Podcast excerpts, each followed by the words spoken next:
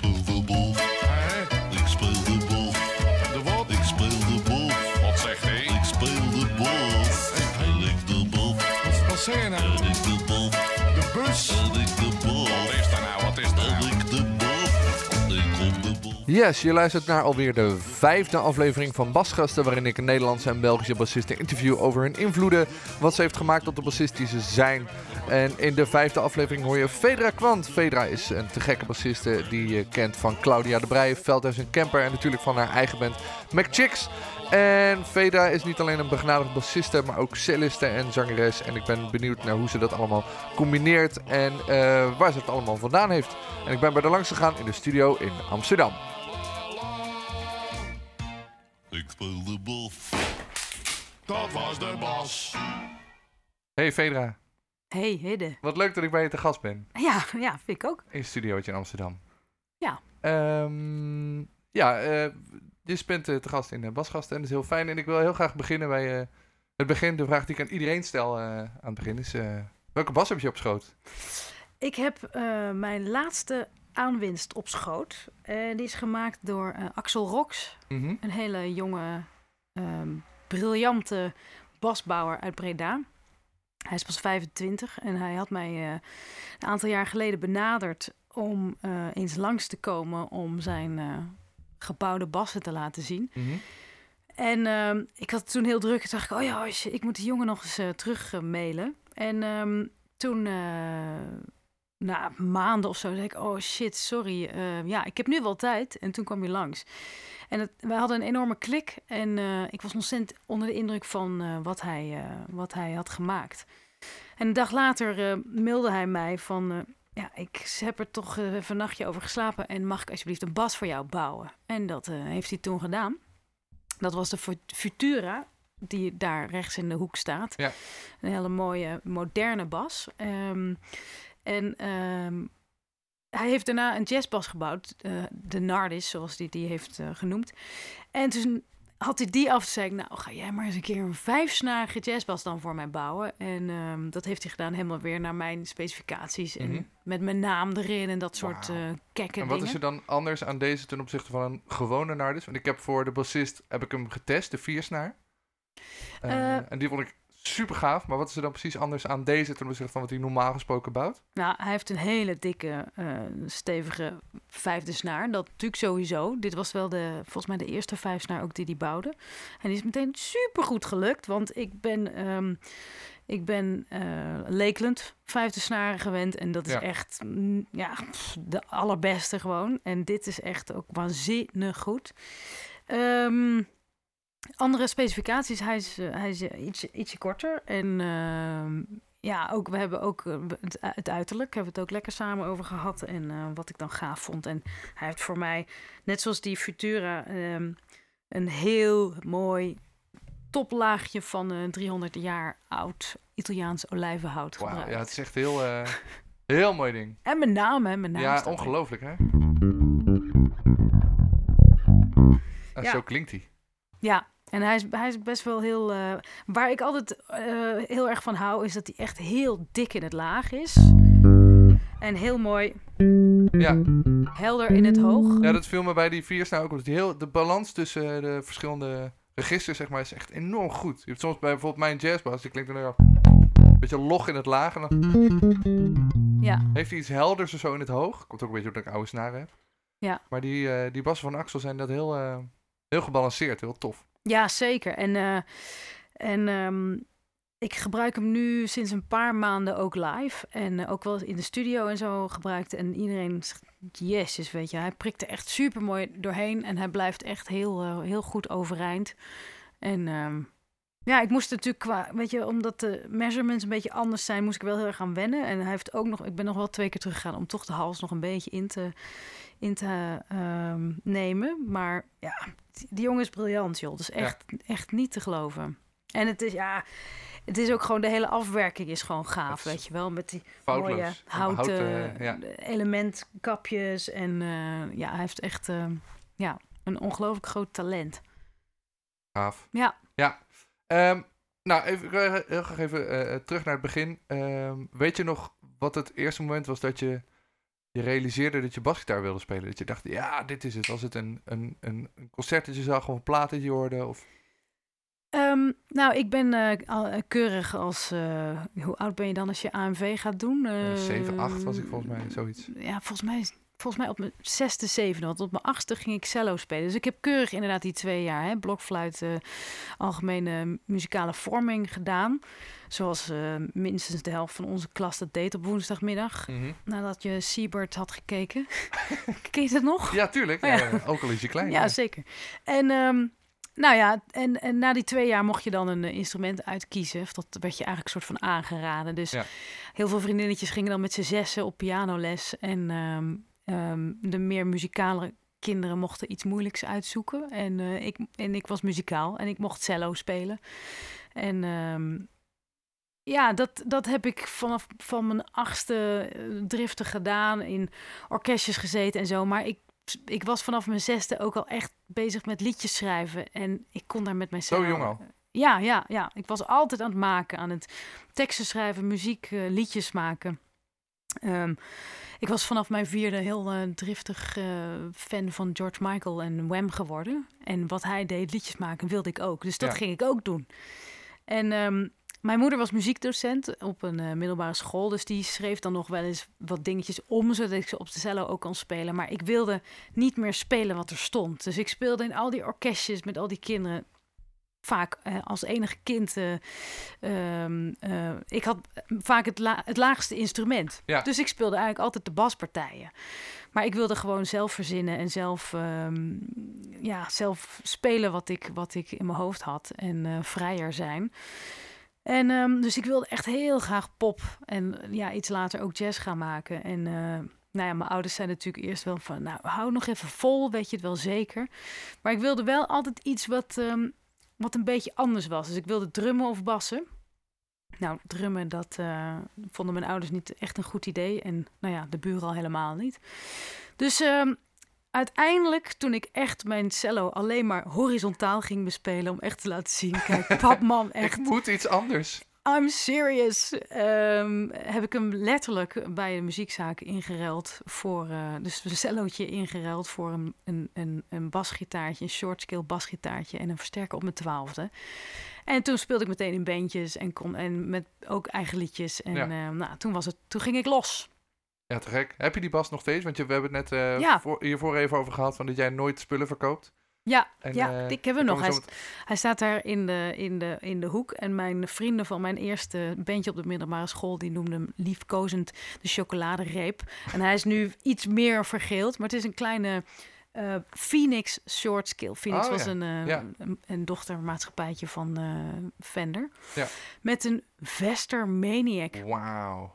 versterkertje. Versterker. En die staat daar nog wel ergens onder, onder nog? mijn vleugel. Maar Wat die doet het geloof ik niet meer. Maar Nou, alles, wat te, alles wat te fixen. Maar als ik in diezelfde hoek kijk waar eh, nog meer basgitaren staan dan eh, bij mij thuis. Daarover straks meer. Niet over mij thuis, maar over die vele wassen straks meer. Eh, maar dan zie ik ook nog steeds een cello achterin staan. Dus dit, je, hebt hem, wel, je hebt hem ingeruild, maar tegelijkertijd ook weer een soort van Ja, sinds, terug, ja. opgenomen in je... Sinds een paar jaar heb ik er weer één, omdat mijn moeder op een gegeven moment cello ging spelen. En door een eh, langdurige blessure er toch niet meer op speelde. En toen eh, heeft ze hem aan mij gegeven. Omdat, eh, ja, weet je wel, ik speel ook nog steeds contrabas. Dus die techniek, die, die is er eigenlijk gewoon nog steeds. Dus Ja. het is een kwestie van, je moet wel natuurlijk omdenken, omdat die snaren natuurlijk in kwinten zijn. Maar, maar eh, ik, heb, ik heb voor studio dingetjes nog wel eens wat ingespeeld op de cello. Maar hij staat daar nu wel een beetje van. Ik moet eigenlijk daar dan weer echt op gaan studeren. Weet ik het echt weer volledig kunnen. Maar Ja, eh, dat zit, ligt, zit nog wel in de planning. Het is een heel mooi apparaat. Het is een heel mooi eh, instrument. Ja, schitterend instrument. Ja. En eh, toen ging je dus op je twaalfde echt, echt tussen aanstekens basgitaar spelen. In plaats van basgitaar bij cello.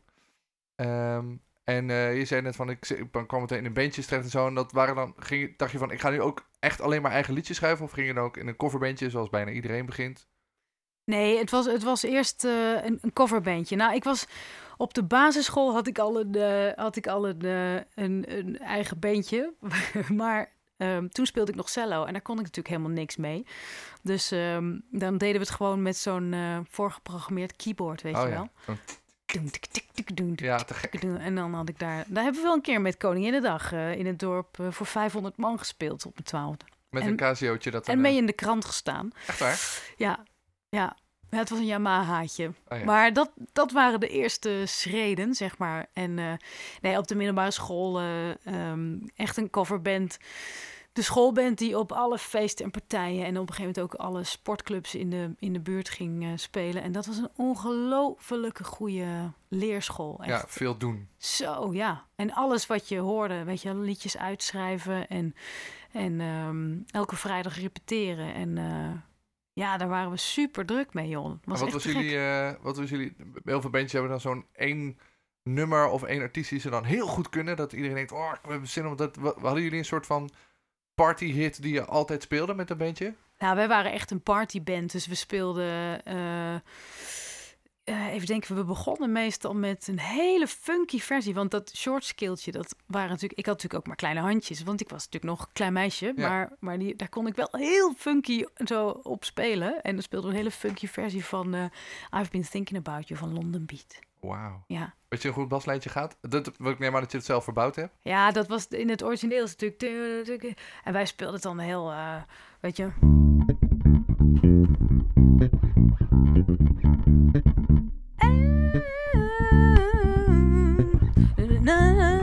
Maar dan echt veel te druk. Zo Ja. alleen maar zo kijk, kijk, Kijk eens wat we kunnen. kijk eens hoe snel. Ja. Maar ook eh Proud Mary, eh rock and roll dingetjes. en ik, ik zong dan ook nog een paar liedjes. ehm, Runaway Train, weet je wel, van die hitjes van toen. Ja, Ja, dat, beetje. dat is net voor mijn tijd, denk ik. Maar Ja. Maar dit was allemaal zo rond eh 4, 5, 6, 97, denk toen ik. Ja. was ik vijf. Ja. Ja. Dat heb ik allemaal net gemist. Maar, ja, maar goed, eh Jacob Stories ken je ook. Ja, gelukkig wel. Zeg. Ja. dus Ja, dat, dat hoort ook zo. dus Londen Beat kun je ook vast kijken. Ja. Kennen.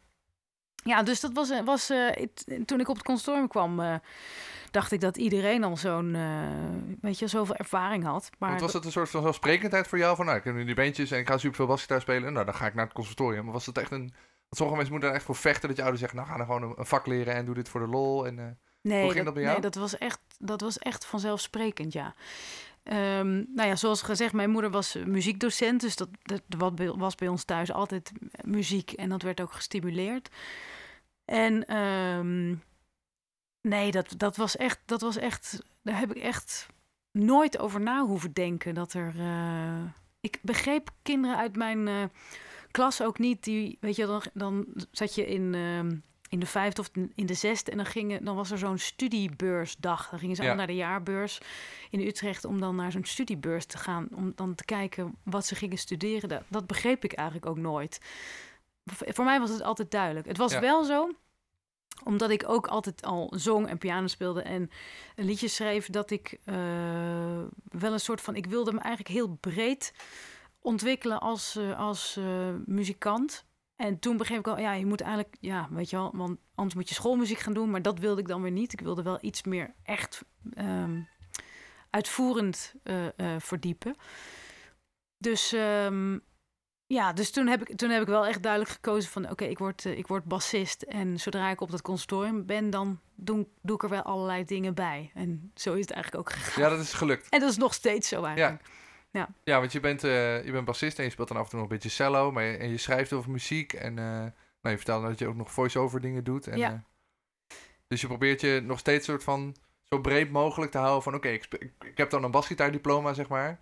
Maar daar houdt het niet op. Nou, ik ben wel echt bassist hoor. Ik ben wel echt bassist. En, eh, ehm, en dan in eerste instantie, ja, en, ja, basgitaar en contrabas. Als ik zou moeten, echt moet kiezen, dan eh, kies, ik, kies ik wel voor de basgitaar. Ehm, maar in theatershows speel ik ook nog wel eens wat, wat piano. En, maar ik ben ook echt zangeres. Ja, Maar ik heb wel, ik ben wel echt bassist. Dat wil zeggen, daar zit gewoon ook de meeste tijd in. ja precies. En ehm, ja, de grootste. De je grootste... voelt je het meest bassiste van alle dingen die je doet, zeg maar. Ja, zeker. Maar het is ook wel. Ik heb ook wel een beetje van die veelzijdigheid mijn ehm, unique selling point, zeg maar, gemaakt, denk Ja. ik. Althans, dat krijg ik veel terug. Dus eh, ik, vind, ik vind die veelzijdigheid vind ik leuk. Dus ook Ja. dat je, weet je, en zowel in de pop met artiesten als in het theater, als, als, eh, als heavy in de jazz. Want je hebt, waar heb je gestudeerd? In Amsterdam. In Amsterdam. Of ja, het eerste, mijn vooropleiding heb ik nog in eh, Hilversum gedaan. Het laatste jaar Hilversum heb Oh ik ja. nog meegemaakt. Da- daarna is het verhuisd naar eh, Ja. Amsterdam. Ja, En les gehad van? ja van, eh, Van wie niet? Van, de hele, Ja. van de hele bende daar. eh, Theo de Jong, Lenete Fortwis, David de Mens Ooyens, Jan Hollestelle en Charlie Angenois. Heftig. Komt, Stel- ja. Stel, heavy namen achter elkaar. Ik kan me voorstellen dat je een soort van... Ik heb ook les gehad van Theo en dat was voor mij al af en toe een soort overload aan informatie of zo. Dat ik echt denk, oh, wat moet ik hier allemaal mee? ja. Heb je daar last van gehad? Dat je, da- dat je zoveel verschillende invalshoeken kreeg van het instrument dat je echt dacht, nu weet ik het even niet meer? Of was het meer van, oh, maar ik kan dit ook en dit ook en wat gaaf? Nou, ik was echt. ehm, ik had. eh, ik was eigenlijk best wel altijd een keurig, keurig meisje, maar dat had ik zelf eigenlijk nog niet echt zo in de gaten. Ik had altijd alles af. Ehm, dus ik, ik heb wel echt heel hard gewerkt. En ik wist ook al sommige jaren echt niet waar ik het zoeken moest. Van ja, maar hoe, waar moet ik dan beginnen? En hoe doe ik dat dan? En heel erg onzeker ook hoor. En ehm, dat, vind, dat vind ik ook mooi als ik nu. Ik, ik val eh, eh, elk jaar wel een paar keer in op verschillende conservatoria. En dan Mhm. zie ik dat zo ontzettend terug bij al die leerlingen, joh. Dat gestruggle. En dat vind, ik, dat vind ik ook een van de mooie dingen eigenlijk aan het lesgeven. Maar ehm, ja, ik had altijd het idee dat ik te weinig deed. En als ik dan nu... En ook inderdaad van, ja, maar die anderen in mijn klas, die kunnen het allemaal al. Ja. En, en eh, als ik nu... ehm, ik had hem een- twee jaar geleden of een keer na een... Ik was extern commissielid in een, eh, bij een eindexamen. En na afloop was ik wat aan het drinken met een van mijn oude docenten. En die zei echt, ja, maar Vee, jij was echt... Je had altijd alles af. Ik zeg, ja, maar dat was toch normaal, weet je wel? Want zo was ik op de middelbare school ook. Ehm, nou, zei, nou nee, dat was niet normaal. En jij was echt... eh, eh, maar wel een beetje nog een muisje, weet je wel. Nog een Ja. beetje verlegen op het podium. En dat is later natuurlijk ook door, doordat ik veel meer leadzang ben gaan doen... en mijn eigen bands echt ben gaan leiden. Eerst was ik altijd gewoon een sideman.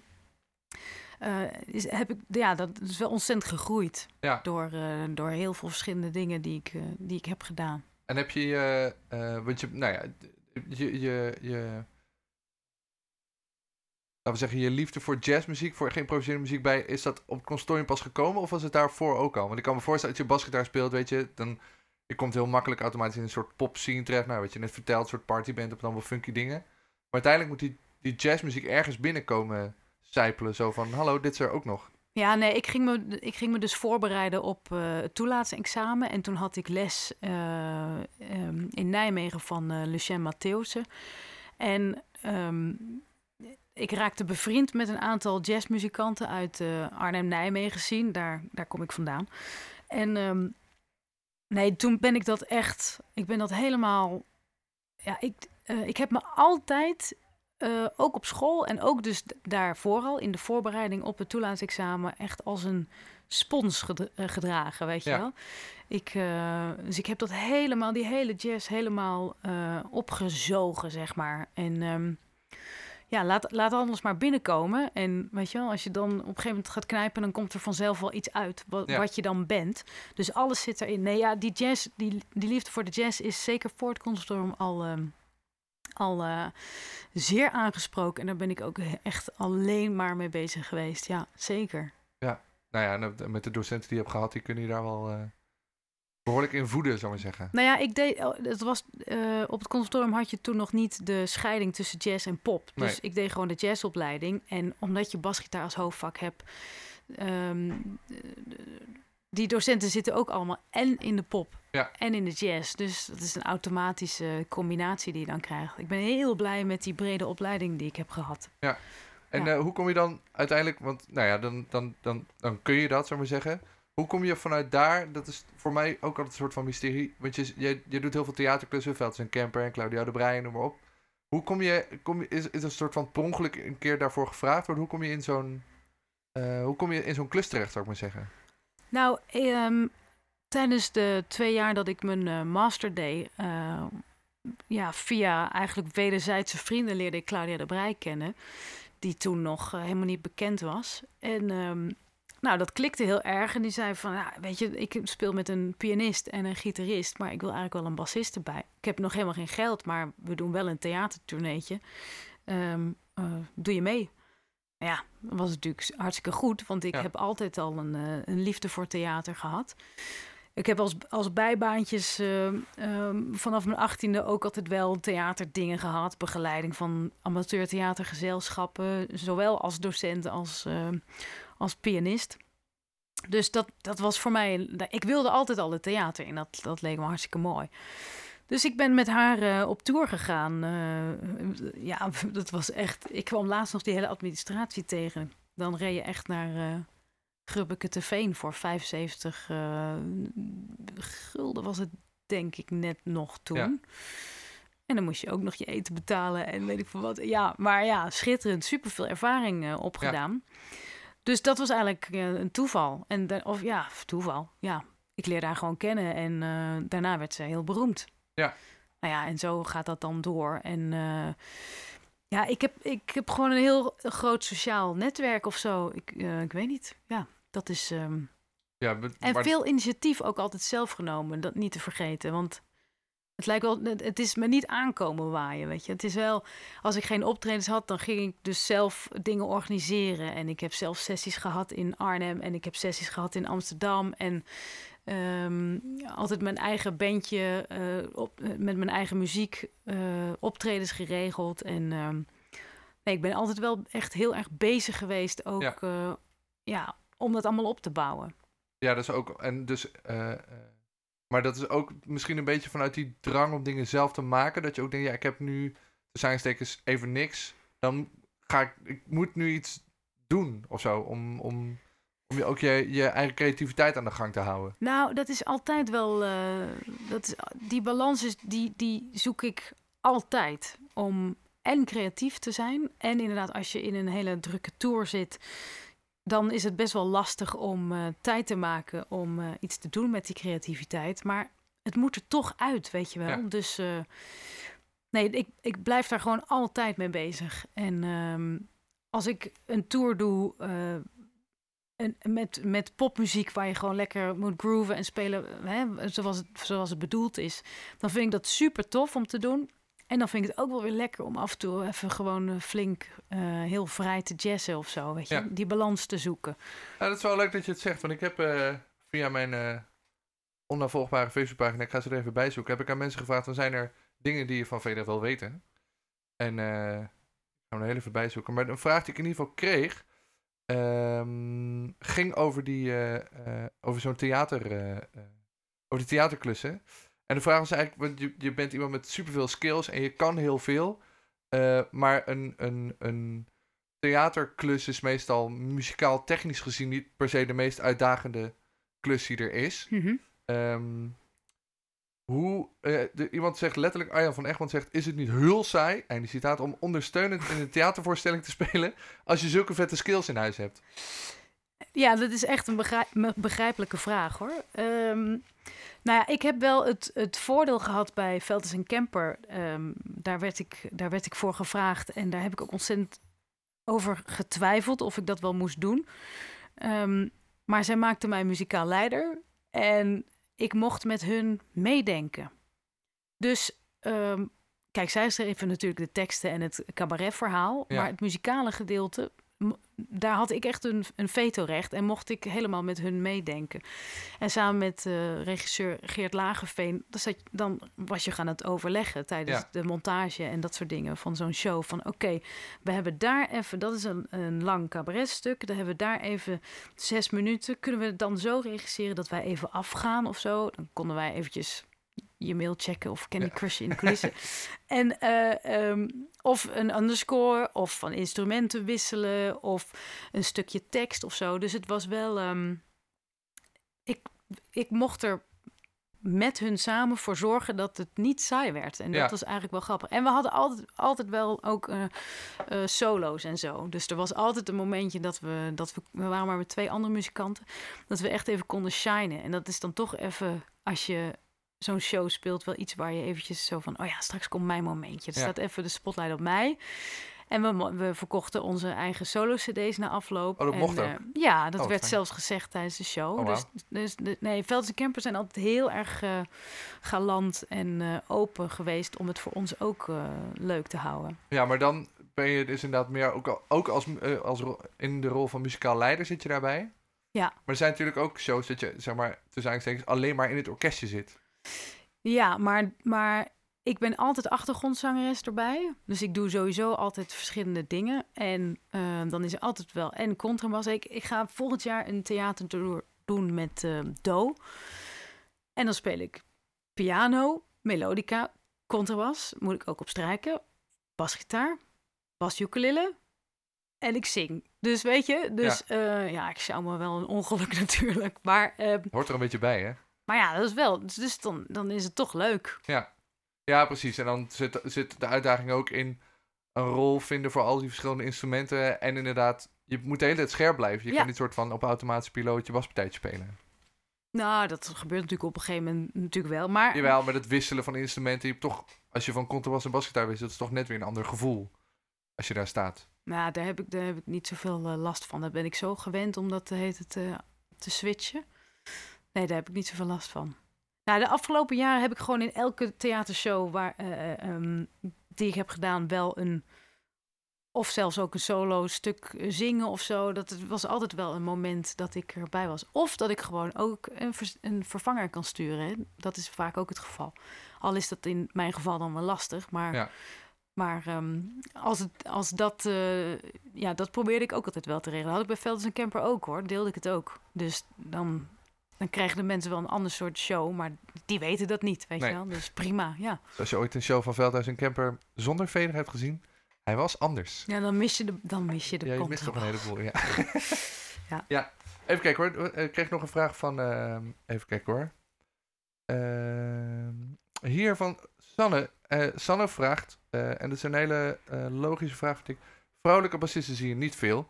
Hoe onderscheid je je qua spel van mannelijke bassisten? Of is er eigenlijk geen verschil? Ik wil het eigenlijk even wat breder trekken van hoe eh, merk jij dat je een vrouw bent in een toch over het algemeen door mannen eh tussen aanstekens overheerst of gedomineerde. Want ik kom, als ik bassisten tegenkom, kom bijna alleen maar mannen tegen. Ja. En als er dan een vrouw bast in een beentje, bijvoorbeeld Gil en Dorsey bij David Bowie of weet ik veel, dan denken mensen, oh vet, dat is een vrouw. Ja.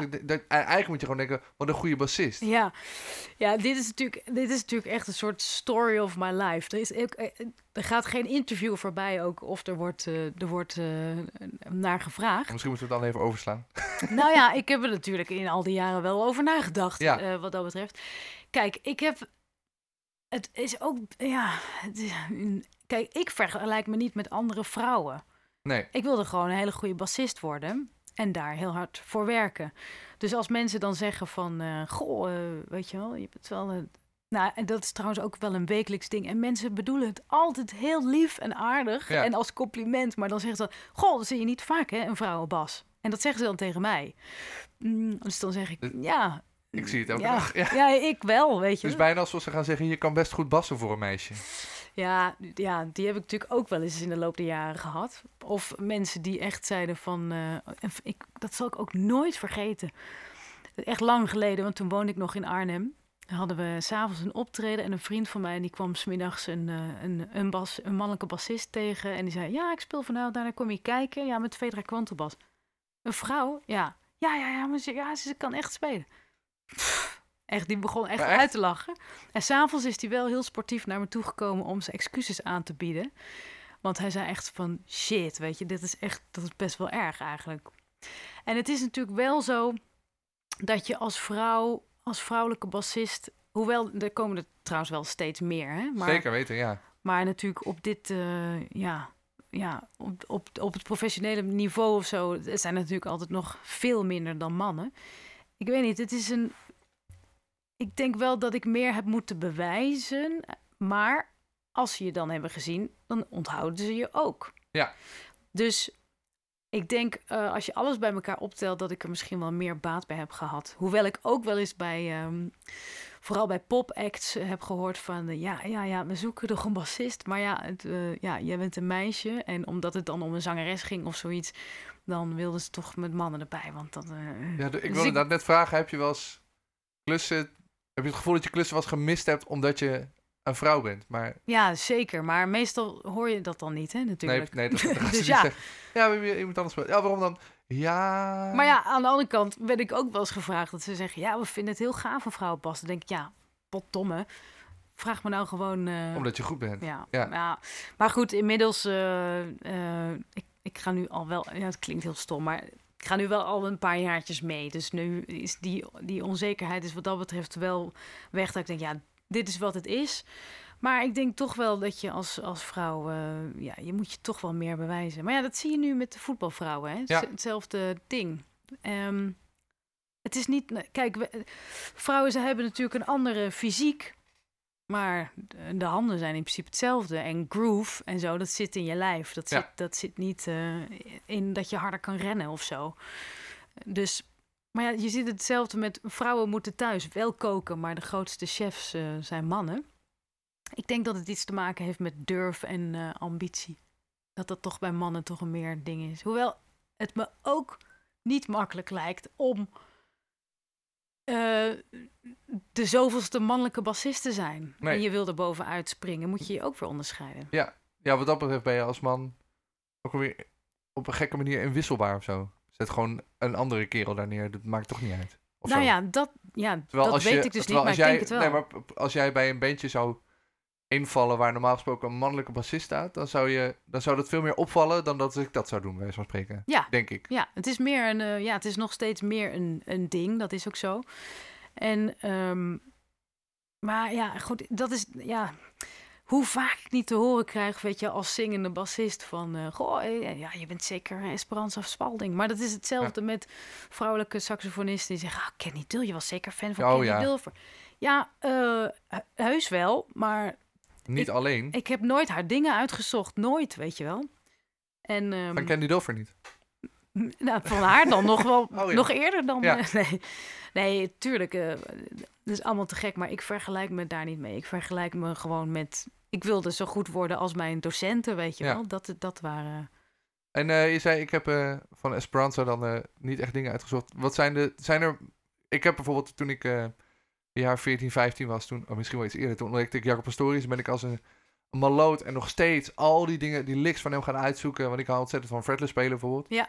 Ehm, zijn er, want je vertelde ik dat je, dat je een soort spons bent, qua stijlen en qua invloeden en qua alles kunnen. Maar zijn er ook muzikanten die je als een, als een maloot hebt zitten uitzoeken, omdat je dacht, ik wil gewoon snappen wat, er, wat hij of zij doet? Ja, ik heb bijna. Ja, ik heb echt heel veel zitten uitzoeken. En ehm, vooral tijdens die studietijd ook.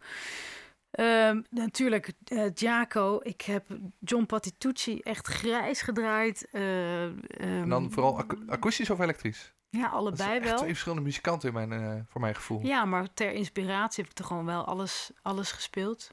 Die- nou, vooral die Braziliaanse plaat van John Patitucci. Oh, die die ken ik helemaal grijs gedraaid. Ja, die Mistura Fina heet die zo? Ja, volgens mij wel.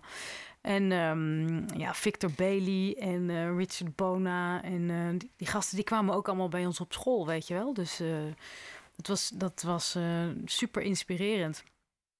Ja, dat heb ik allemaal wel, wel uit zitten zoeken. En, ehm, maar voordat ik naar het conservatorium ging... ehm, nou ja, wat, wat ik al zei, vanaf kleutertijd al, eh, al eh, fanatiek eh, Wham en George Michael fan. Ja, ik zie ook, als ik een klein stukje naar rechts kijk, zie ik een foto van George Michael op de vleugel staan. En, Hey. de, en de grote Listen Without Prejudice. ja, ik heb net een voorstelling gemaakt over Ja, George klopt. Michael. Dus al mijn, mijn alle dozen met plakboeken, die zijn weer deze kant van mijn ouderlijk huis naar hier gekomen. Ja, en die heb ik weer, ja. Dus, eh, maar dat bassistisch was het helemaal geen slechte opvoeding met ehm, Dion Estes. En, eh, en die eerste plaat van eh, Wham, eh, Fantastic, was ontzettend geïnspireerd door... ehm, door eh Bernard Edwards en, en Chic en, Ja. eh, en dat soort dingetjes die,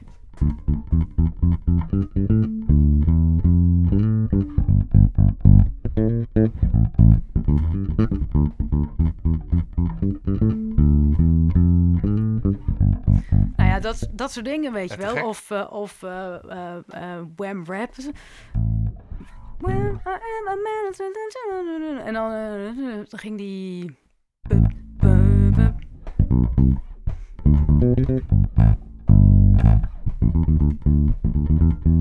Dat is natuurlijk van I Want Your Love.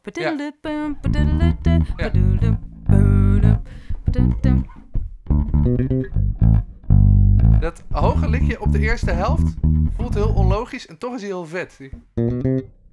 Ja, van, ja, het is, ja, het is totaal eh, eh, daarop eh, geïnspireerd. ja, en te het, gek. het klinkt inderdaad alsof ze heel erg naar die jaren 70 disco hebben. Enorm, enorm. Maar die hele plaat. En ehm, daarna werd Dion Estes, die speelt ook al een paar liedjes op de eerste plaat. Maar de bassist waar George Michael echt jarenlang mee heeft ge- getoerd en gespeeld.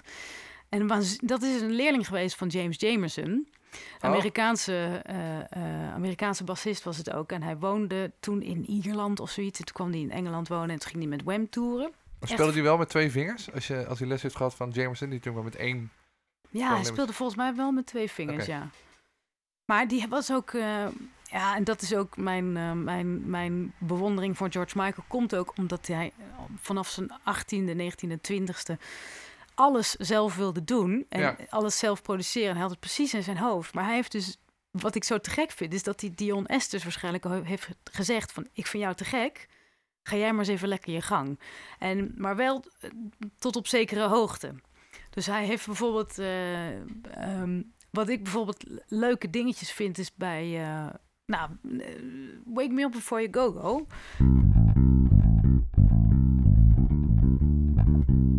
Maar dan krijg je op een gegeven moment... Uh, color, baby, moving tight. We'll go... En dan krijg je...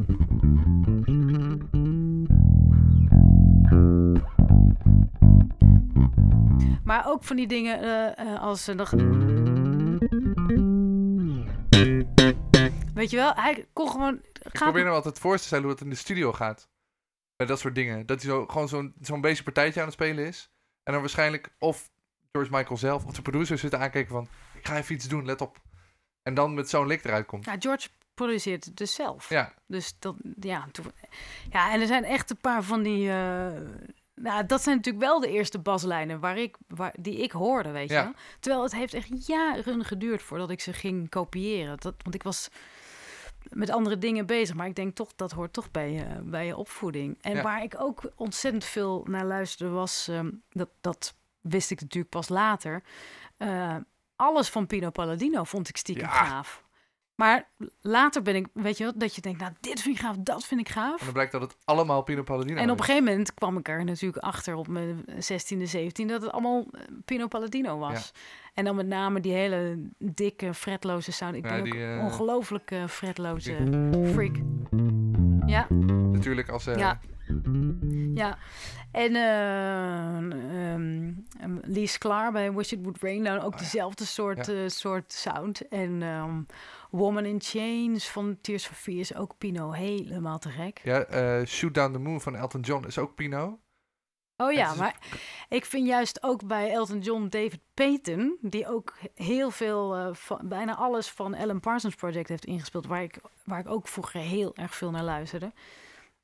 Stiekem allemaal diezelfde gasten, weet je wel. Allemaal later pas achtergekomen. Dat ik denk, oh, dat is toch gra- grappig. Dus, is it cold? Ja, zo, toch heel subtiel, maar wel dat je ineens denkt, oh, wat gebeurt hier?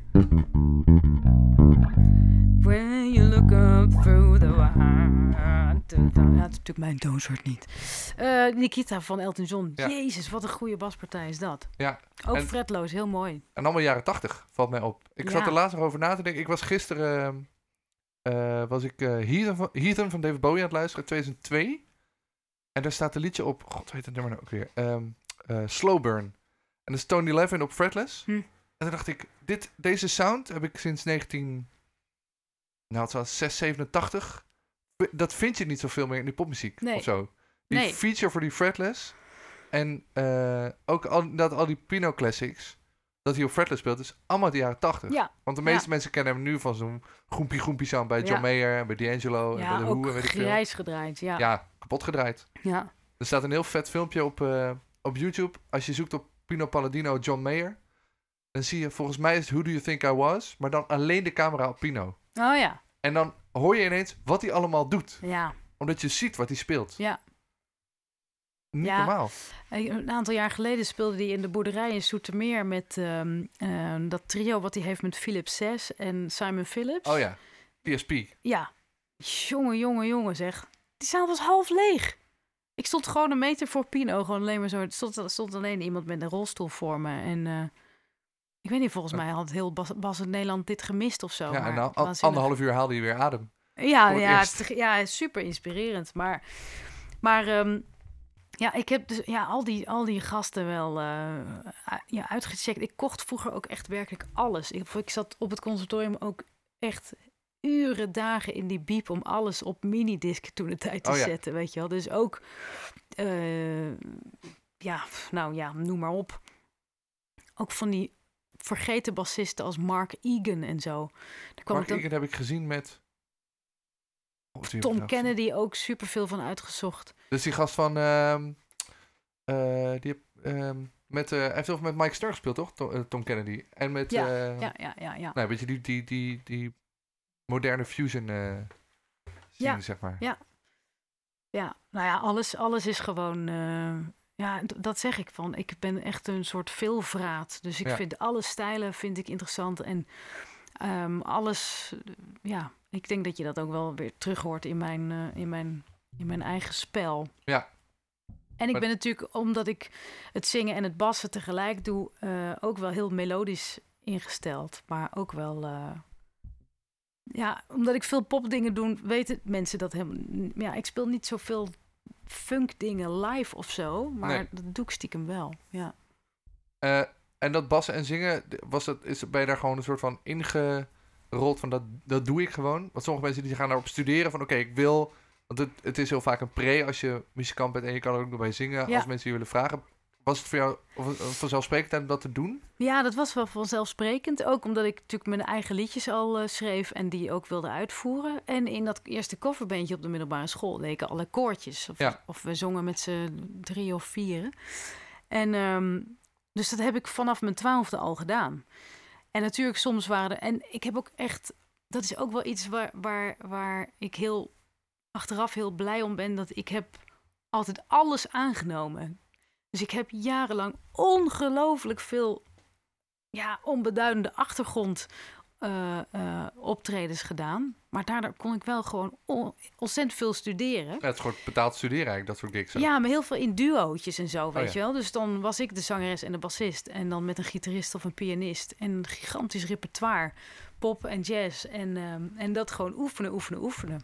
Maar er er zijn wel eens mensen die, die ehm, dat specifiek van mij willen leren omdat dat eh, ja, wel echt een beetje mijn ding is geworden. Om het ook zo extreem mogelijk...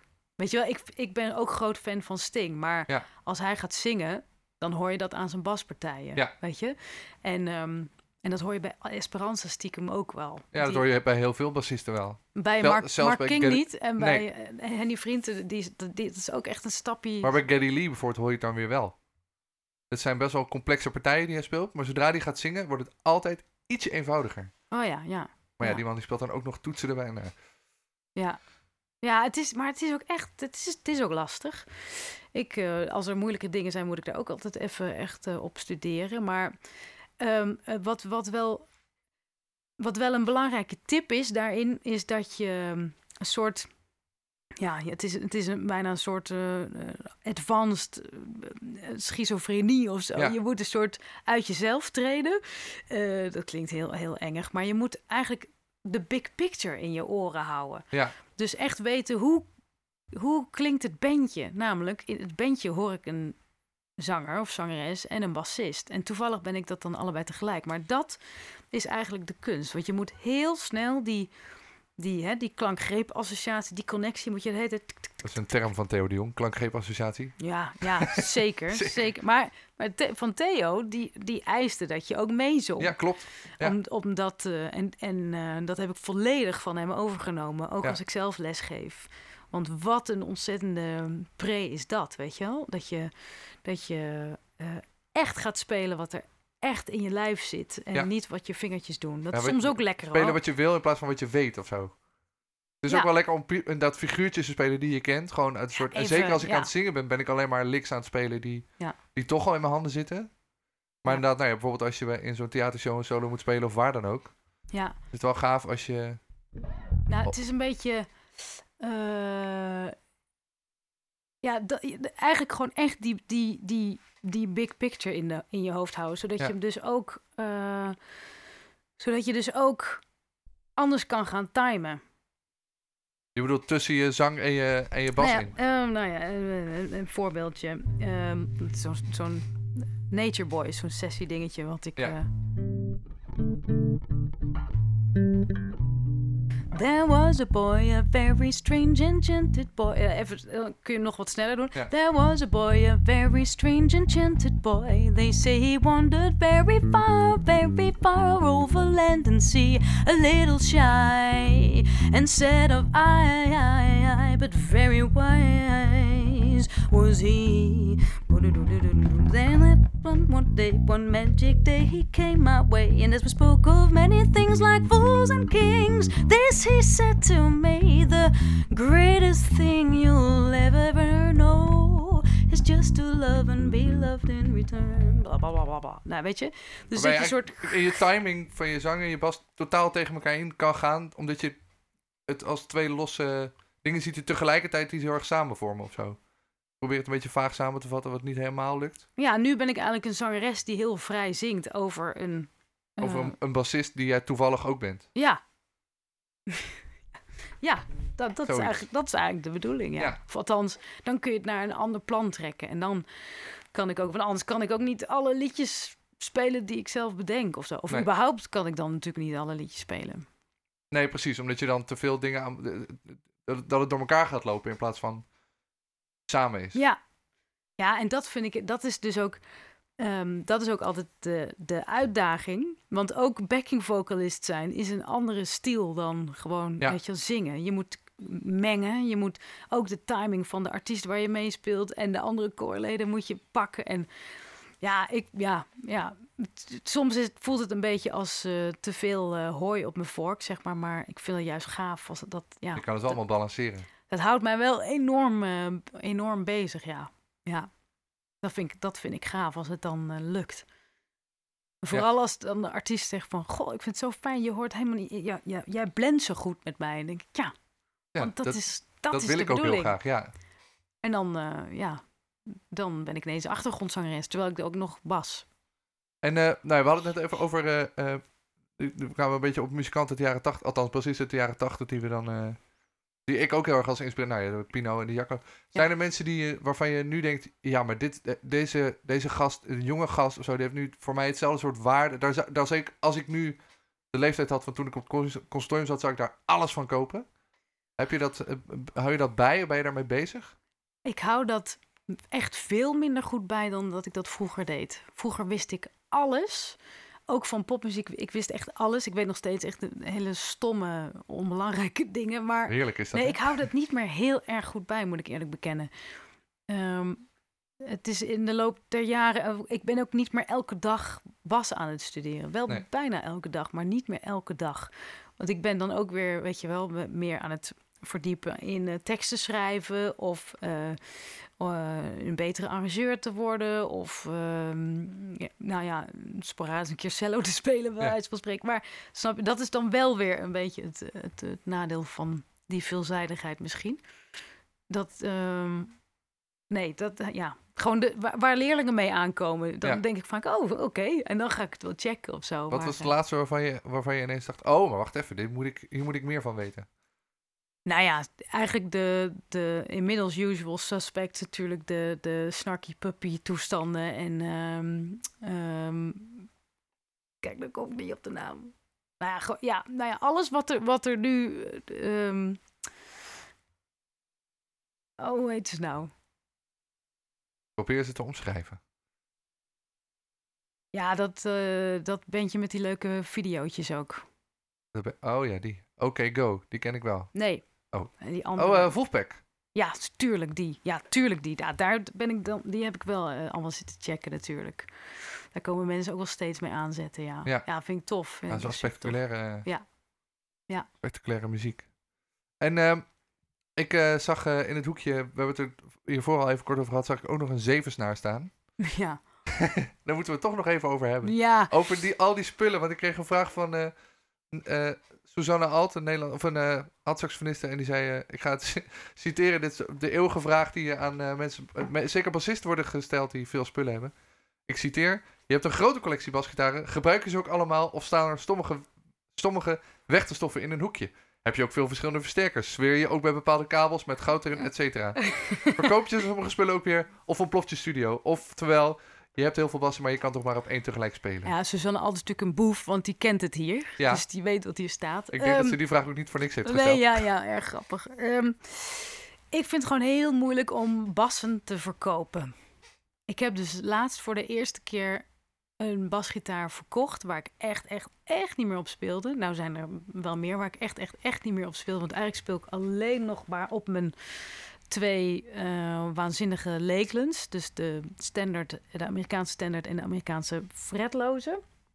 En eh, mijn ehm, ehm, Sander de Gier, eh, die hem ook speciaal voor mij heeft gemaakt. En dan nu dus die twee ehm Rox instrumenten. En ook nog een Precision van de Gier. En ik heb ook nog oude jazzbas, maar daar heb ik een soort haat-liefde verhouding mee. Maar Ja. ik kan ze niet... Ik, kan ze niet verkopen. En die andere bassen zijn dan... Ja, dat is mijn eerste short Ja. is mijn eerste vijfsnaar.